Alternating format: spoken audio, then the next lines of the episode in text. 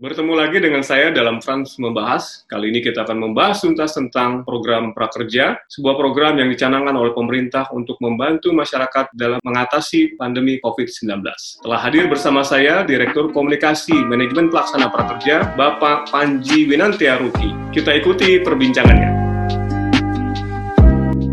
Pak Panji, uh, kartu prakerja yang dicanangkan oleh pemerintah untuk uh, mengatasi pandemi COVID-19 ini kan cukup kontroversial karena uh, katanya menghabiskan uang negara gitu karena adanya pelatihan yang kalau dijumlah oleh uh, masyarakat sejumlah 5,6 triliun karena uh, satu masing-masing per orang mendapatkan satu juta. Bagaimana sih Pak pendapat Bapak mengenai hal ini?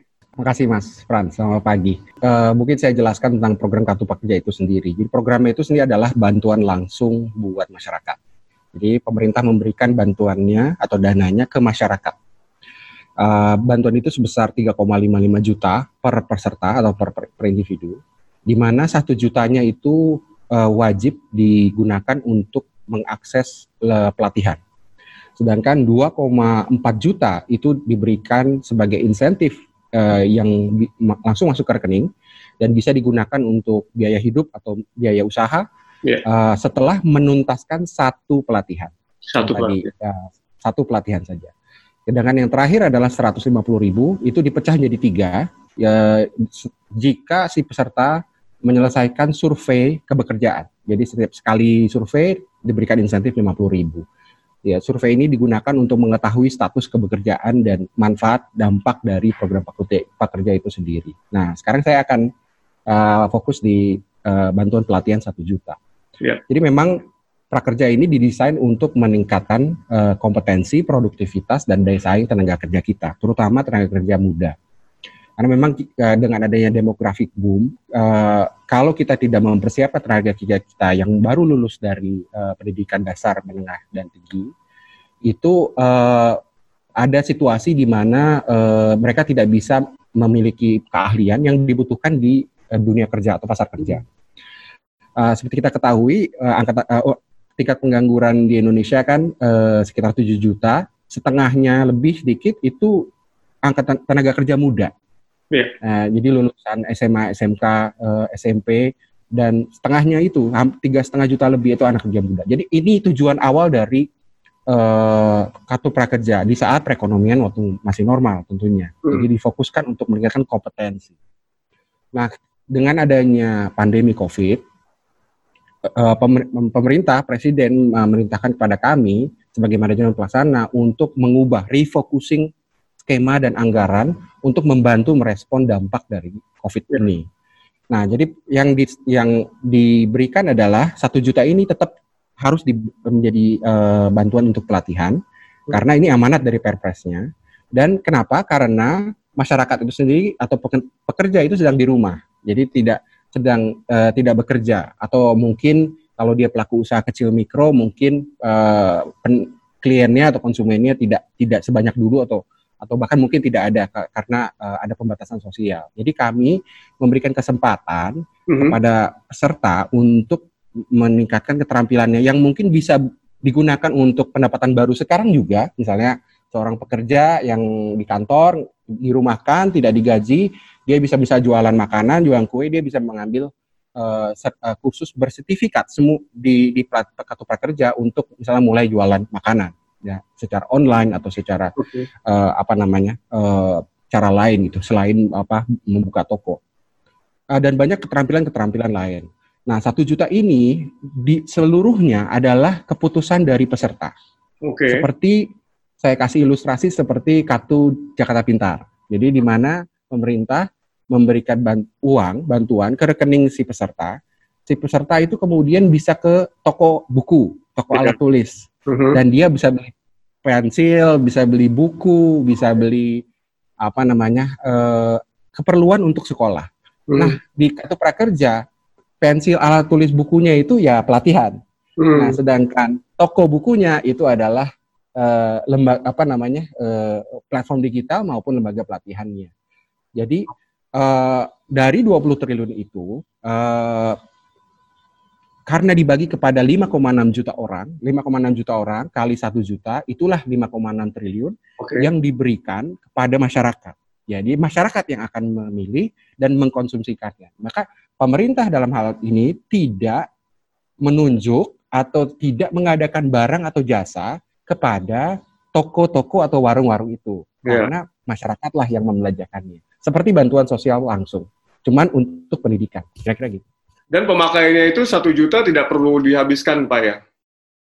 Tidak, tidak. Jadi itu adalah pagu. Jadi okay. uh, pemerintah memberikan satu juta, itu masuk ke virtual account rekeningnya si peserta. Mm -hmm. uh, itu bisa dicairkan jika dia uh, membeli atau mengakses pelatihan. Dan okay. uh, pelatihannya itu beragam dari sudah ada sekitar 1.500 lebih pelatihan yang tersedia, bebas dipilih dari lebih dari 200 lembaga pelatihan, course provider. Uh, jadi kalau dia misalnya beli satu pelatihan yang mungkin dia pilih yang harganya 100 ribu, 200 ribu, maka balance-nya tetap uh, ada di di virtual account tersebut. Hmm. Uh, tapi dia bisa nyicil, misalnya dia beli uh, 5 pelatihan harga 200 ribu, bisa. Oh, okay. Dia bisa beli tiga pelatihan 300 ribuan, bisa. Dia bisa satu pelatihan satu juta, bisa. Itu semua diserahkan kepada peserta sesuai minat, sesuai kebutuhan, dan sesuai apa namanya willingness to pay gitu. Yeah. willingness to pay. Karena dia harus banding banding uh, ini kayaknya pelatihannya serupa sama yang ada di uh, Coursera misalnya. Oh kalau kayak itu saya nggak saya nggak beli yang ini karena saya bisa ambil yang Coursera. Saya hmm. ambil buat yang lain. Karena yang ini pelatihan ini tidak ada yang gratisnya. Ya yang digratis cuma video nggak ada pelatihannya nggak ada sertifikatnya, nggak ada sistem evaluasi pembelajarannya, nggak ada silabusnya. Dengan yang ini semua harus diwajibkan punya itu semua. Oke. Jadi memang agak beda dengan pelatihan-pelatihan yang kan selama ini disorot katanya di YouTube banyak pelatihan yang sifatnya gratis dan ternyata beda Pak ya. Di sini ada silabus, kemudian ada juga evaluasinya dan lain sebagainya. Ya, okay. mesti ah, mesti ada tes, mesti ada evaluasi silabusnya, tenaga instrukturnya juga harus berkualifikasi dan dia dapat sertifikat. sertifikat. Dan sarana prasarananya juga mesti ada. Nah, mungkin saya tadi ngomong tentang uh, Mas Fran bilang tentang online. Jadi sebetulnya pra prakerja itu didesain untuk seluruh jenis pelatihan, hmm. offline maupun online, yeah. luring maupun daring maupun luring. Hmm. Namun karena COVID, ya, kami tidak bisa uh, uh, meminta masyarakat untuk berkumpul dalam satu kelas atau satu uh, workshop atau dalam satu balai di mana bisa meningkatkan resiko penularan uh, virus COVID-19. Makanya yang tahap awal ini saja baru pelatihan online dulu yang ditawarkan. Okay. Namun begitu nanti uh, pembatasan sosial dicabut, okay. maka ribuan pelatihan yang sudah kami siapkan dan dan bekerja sama dengan banyak lembaga pelatihan itu juga akan ditawarkan, termasuk LPK, LKP, balai latihan, semuanya ada di situ. Kenapa, Mas? Karena prinsipnya adalah menyediakan pilihan. Bukan kami yang menentuin atau birokrat menentukan, uh, uh, si A dari 5,6 juta mas. 5,6 juta masing-masing si A butuhnya kursus ini si B kursusnya butuh ini. Kamu kursusnya di tempat ini kamu kursusnya di tempat itu. Jadi kita serahkan kepada pada para peserta. Silakan sesuai dengan minat kebutuhan dan tentunya uh, value yang dia cari. Oke. Okay. Mas, eh, ini kan kemarin tahap pertama dari 2 juta yang mendaftar, hanya sekitar 200 ribuan lah yang diterima. Apa sih iya. tipsnya ya. supaya bisa diterima ini? Ada persyaratan-persyaratan tertentu nggak? Ya, jadi uh, pertama ada dua tahap nih, mungkin saya jelaskan. Pertama tahap pendaftaran, yang kedua hmm. tahap bergabung dengan gelombang pendaftaran. Hmm. tahap pendaftaran tentunya dia harus daftar di situs resmi, kemudian uh, dia harus memberikan data dirinya, verifikasi emailnya, karena kami benar-benar concern untuk memastikan orangnya ini benar yang punya uh, akun ini dan adalah benar-benar si orangnya, tidak dipakai oleh orang lain. Jadi dia harus memverifikasi email, dia harus memverifikasi uh, masukkan data diri berupa nick, hmm. uh, nama, kemudian uh, tanggal lahir, uh, dan uh, foto diri dan foto KTP. Jadi, jadi dia uh, kami akan verifikasi berdasarkan uh, facial recognition juga antara foto KPP dan uh, dan foto selfie-nya. Kami juga akan melihat uh, mencek uh, data NIK-nya ke Kemendagri di Dukcapil. Kami juga akan mencek uh, NIK-nya di uh, Kemdikbud karena ke persyaratan dari uh, kartu prakerja adalah tidak boleh sedang sekolah atau kuliah karena itu definisi dari angkatan kerja. Jadi kami cek juga Kemdikbud uh, apakah dia masih berstatus kuliah atau atau atau sekolah.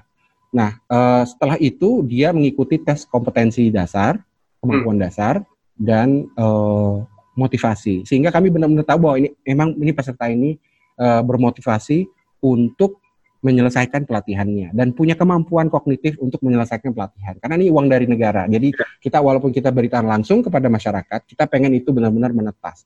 Menetas itu perlu apa? Perlu kemampuan dasar dan perlu motivasi. Kalau enggak nanti sayang. Jadi yeah. itu kami cek. Yang ketiga adalah eh, setelah mereka melakukan itu semua mereka bisa bergabung ke gelombang pendaftaran. Nah, nah yang gelombang pendaftaran ini adalah 200 ribu per minggunya saat ini 200 ribu tapi kami terus evaluasi uh, karena kami harus pastikan layanan operasionalnya siap untuk 200 ribu. Kita nggak mau kita kasih eh, misalnya lebih dari itu, tapi kemudian secara teknis operasional banyak uh, masalah sehingga layanan kepada masyarakat uh, itu akan terkendala. Tapi kami terus meningkatkan kapasitas ini. Jadi dari 200 ribu ini ya per minggunya dan terus akan setiap minggu sampai akhir tahun itu diambil dari uh, pendaftar yang telah melakukan yang menyelesaikan seluruh tahap proses pendaftaran yang tadi saya ceritakan.